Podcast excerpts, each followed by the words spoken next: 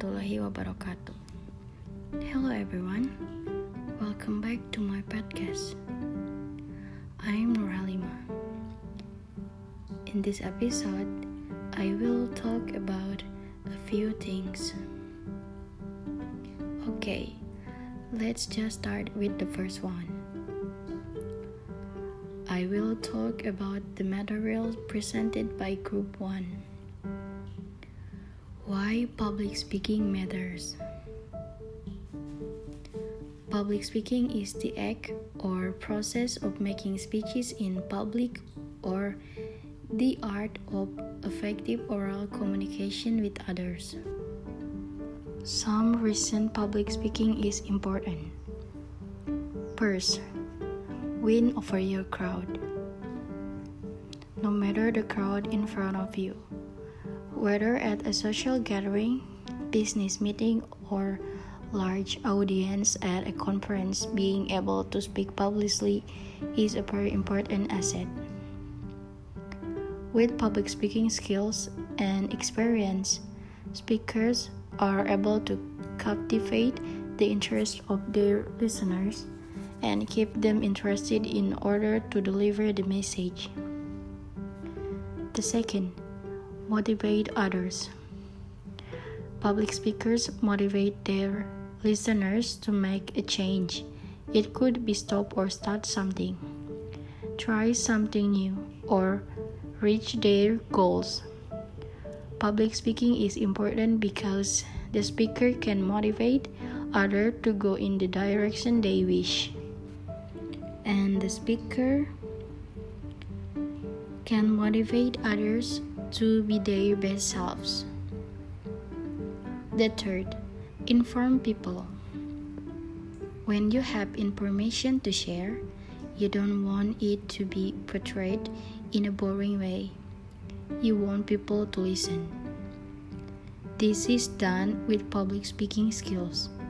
Inform people about something that matters by using great public skills, and they will be sure to listen and be more likely to understand the information.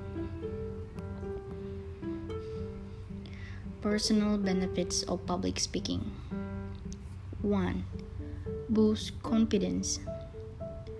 Public speaking repeatedly is a great boost of self confidence. Every time you speak, you gain a bit more confidence as you see your idea and yourself were well received by your audience. 2. Personal satisfaction. After the first time, you will keep getting better and better at public speaking and will get great personal satisfaction from this skill. 3. Critical thinking. When preparing and conducting a speech, you also increase your critical thinking skills by working through problems, imagining positive and negative consequences, and finding solution. 4. Improve communication skills. When you practice public speaking, you are practicing both verbal and nonverbal skills, and both will improve. Let's move on to the second one. I've interviewed someone, but I'm sorry he can't accompany me on this podcast because she's out of town. I have asked several questions over the phone. I asked her what her job. She works at one of the big banks in Tangerang.